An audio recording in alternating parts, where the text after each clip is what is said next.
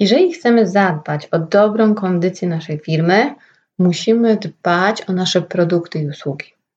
Dbać o to, aby były modyfikowane, udoskonalane, dostosowywane do potrzeb konsumenta. Czasami jest to kwestia tego, że musimy wypłynąć na nowe rynki albo stworzyć coś kompletnie nowego. Znaczenie, jakie będzie odgrywał zespół, który wewnątrz organizacji będzie odpowiedzialny za tego typu projekty, jest ogromne. To jest być albo nie być całego przedsięwzięcia. Często to nie budżety i narzędzia decydują o sukcesie zadania, ale podejście, determinacja, nastawienie tych ludzi. Dlatego tak bardzo ważne jest to, kogo dobierzemy do teamu. I o tym chciałabym dziś z Tobą porozmawiać. Cześć, nazywam się Agnieszka, Agnieszka Kolber i prowadzę ten podcast Wizja Biznesu. Dlaczego wizja? Bo w moim świecie nie ma rozwiązań zero-jedynkowych. Coś, co sprawdza się w jednej organizacji, kompletnie nie ma prawa bytu w innej. Tak po prostu już jest. Dlatego tak ważne jest nie tylko w życiu, ale i w biznesie poszukiwanie swojej ścieżki. Bycie otwartym, elastycznym, ciekawym i do tego Cię dziś zapraszam. Ale wracając do tematu, jak skompletować team w ramach organizacji, który będzie odpowiedzialny za pracę nad naszą ofertą. Kto w takim projekcie powinien wziąć udział? No, na pewno nieprzypadkowe osoby. Ktoś, kto ma więcej wolnego czasu, jest najmłodszy stażem, albo poprosił nas o podwyżkę i nowe wyzwania. Więc proszę, działaj. Nie, tak to kompletnie nie działa. Jeżeli chcemy, aby coś naprawdę się rozwinęło, miało tak zwane ręce i nogi, musimy do tego podejść trochę inaczej. Po pierwsze, warto kompletować zespoły, które będą składały się z osób reprezentujących różne środowiska w ramach jednej organizacji. Tworzymy takie miksy. A co to dokładnie znaczy? Potrzebujemy kogoś, kto zna produkt od podszewki, kogoś z produkcji.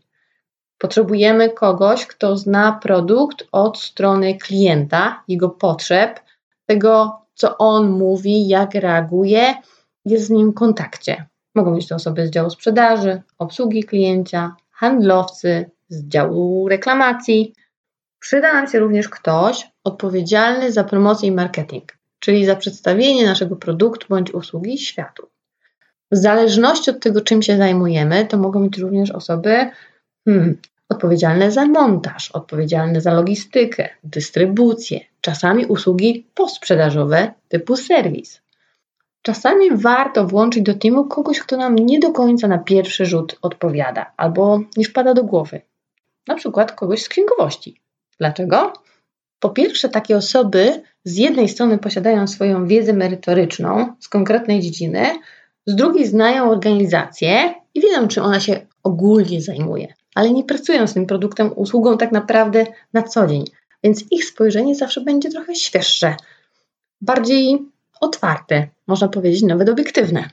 Taki zespół ma bardzo dużo pozytywnych cech. Jakich? Po pierwsze jest różnorodny, dzięki czemu na te same funkcjonalności patrzymy kompletnie inaczej, oceniamy je pod innymi kryteriami, dostrzegamy niuanse, które mogłyby nam umknąć, gdybyśmy byli dużo bardziej hermetyczni w swoim myśleniu. Automatycznie nasze wnioski są trafniejsze, bardziej prawdziwe, co ma ogromne znaczenie w aspekcie ewentualnych modyfikacji i usprawnień, a przede wszystkim realności ich wykonania.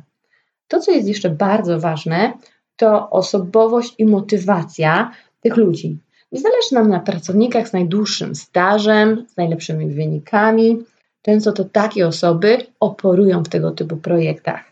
Do teamu potrzebujemy bardziej ambasadorów.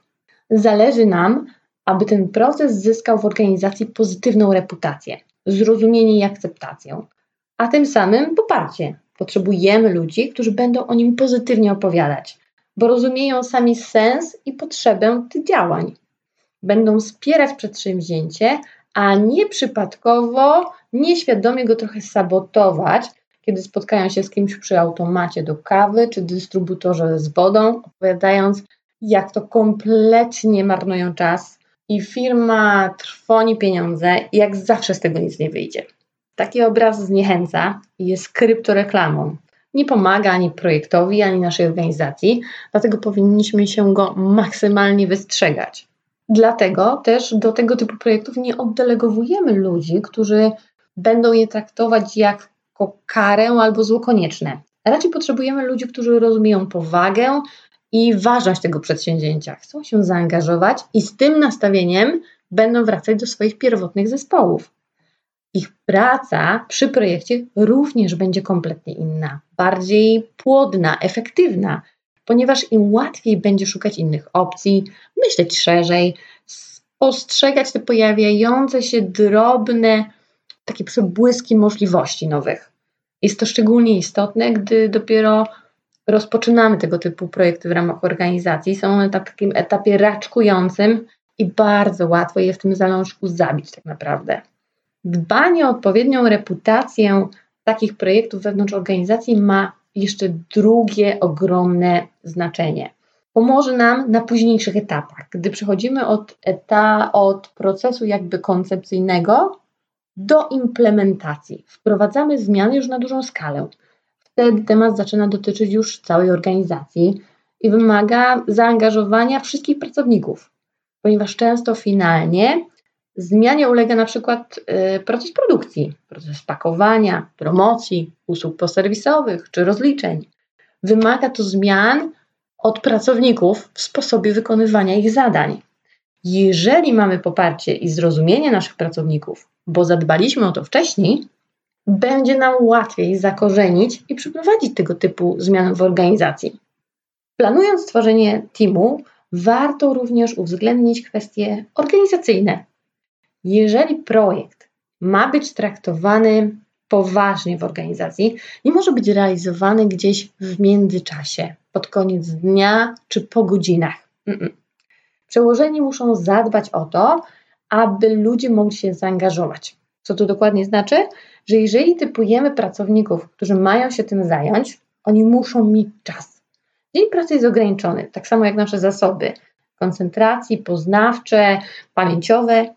Dlatego konieczne jest jakby zagwarantowanie im przestrzeni do myślenia. Wiąże się z tym, to, to z tym, że powinniśmy zadbać o takie przyzwolenie i pomoc, aby część ich obowiązków na czas tego projektu została im oddelegowana, odebrana, przekazana komuś innemu, tak żeby oni, chodząc na spotkanie, nie musieli się martwić o zadania, które muszą wykonać zaraz po. Dlaczego? Ponieważ praca nad projektami innowacyjnymi może i dla niektórych wydaje się taką niestandardową formą zabawy, luźnych spotkań i pogawędek przy kawie. Ale tylko wtedy, jest, jeżeli jest źle zarządzana warsztaty, analizy, dyskusje, testy, zbieranie pomysłów, feedbacków, obserwacje, one są energo i czasochłonne, wymagają skupienia i przestrzeni do myślenia. A jeżeli głowy naszych pracowników już są wypchane po brzegi, takie spotkania no, nie wnoszą wiele, mają mały sens, ponieważ nasi ludzie są nieproduktywni. Przychodzą, ponieważ zostali wydelegowani, mają poczucie obowiązku, ale choćby chcieli, nie mają zasobów, aby coś z siebie zdać. Warto również pamiętać, że duże zespoły niekoniecznie są przy tego typu projektach bardziej efektywne. Wręcz przeciwnie, łatwiej w takim środowisku o małe podgrupki. Efekty dyskusji i rozmowy mm, toczą się w kuluarach, w parach, a nie na forum. A właśnie na tym nam zależy, gdy stworzyliśmy tak różnorodny team, który o tych samych rzeczach może opowiadać z kompletnie różnych perspektyw. Dlatego do pracy zapraszamy niezbędne osoby, ale jednocześnie cały czas monitorujemy finalną liczbę uczestników, żeby ona nie przekroczyła pewnej magicznej ilości poniżej zdecydowanie 8-10. W małych grupkach zawsze jest łatwiej i szybciej prowadzić projekty rozwojowe. Tutaj rozmowy są swobodniejsze, wymiana myśli i spostrzeżeń jest bardziej naturalna, Jednocześnie zespoły kilkunasto, kilkudziesięcioosobowe wymagają już kompletnie innego przygotowania i prowadzenia. Ogromne znaczenie, jeśli nie największe, dla zespołu i projektu ma również nastawienie osoby decyzyjnej. Jeśli osoba taka od samego początku narzuca swoją wizję i rozwiązanie, nie będzie to pomocne ani dla teamu, ani dla zespołu. Ani dla zespołu, ani dla projektu. Ludzie angażują się tylko wtedy, gdy ich zdanie jest słyszane i cenione. System motywacyjny oparty na, na mm, zasadzie kar i nagród może jest efektywny, ale w krótkiej perspektywie czasowej. Nigdy nam nie zagwarantuje tego, co poczucie bezpieczeństwa psychologicznego, poczucie szacunku, uznania. Dlatego zadaniem osoby decyzyjnej nie jest wiedzieć wszystko i znać odpowiedzi na wszystkie pytania, ale nakreślić temat, przedstawić zagadnienie, ogólne ramy, a następnie pozwolić innym pracować i zobaczyć, co z tego wyjdzie. Osoba decyzyjna występuje tu raczej w roli mentora, arbitra, jeżeli pojawiają się dwie opcje, trzeba wybrać jedną, lub takiego opiekuna, który usuwa kłody spod nóg, jeżeli takowe się pojawią. Może zadawać pomocnicze pytania, wyrażać swoją opinię, ok, ale powściągliwie, na tyle, aby nie ukierunkować teamu, tylko raczej przedstawić mu swoje obawy, jeśli takie się pojawiają. Narzucanie wizji zabija kreatywność, zabija pomysłowość, ponieważ naszym ludziom będzie trudno wyjść poza znane, sztywne i akceptowalne przez przełożonych ramy. Automatycznie oni w myśleniu swoim nawet nie sięgną dalej, bo nie otrzymali tak zwanego zielonego światła od góry. Początkowo prace nad innowacjami czy rozwojem są dla firmy i pracowników trochę enigmatyczne, takie nienaturalne, dziwne. Niemniej dobrze przeprowadzone i zareklamowane w organizacji naprawdę dają silne podstawy, aby rozwijać takiego typu inicjatywy nie incydentalnie, ale cyklicznie, systematycznie, ponieważ ludzie z nimi się oswajają. Nie traktują już ich tak po macoszemu jako eksperyment, nowy pomysł szefa, ale element codzienności, naturalny proces, który zachodzi w organizacji. A to jest bardzo cenne, jeżeli weźmiemy pod uwagę fakt, że żywotność produktów i usług jest taka krótka, i jeżeli nasz model biznesowy nie ewoluuje z potrzebami rynku, no niestety tak szybko może wypaść z tego rynku, że stawka jest bardzo, bardzo wysoka. Mam nadzieję, że te informacje były dla Ciebie ciekawe i może pomocne. Jeżeli masz inne doświadczenia, spostrzeżenia lub pomysły, daj mi znać. Chętnie je poznam. Do usłyszenia w kolejnym odcinku.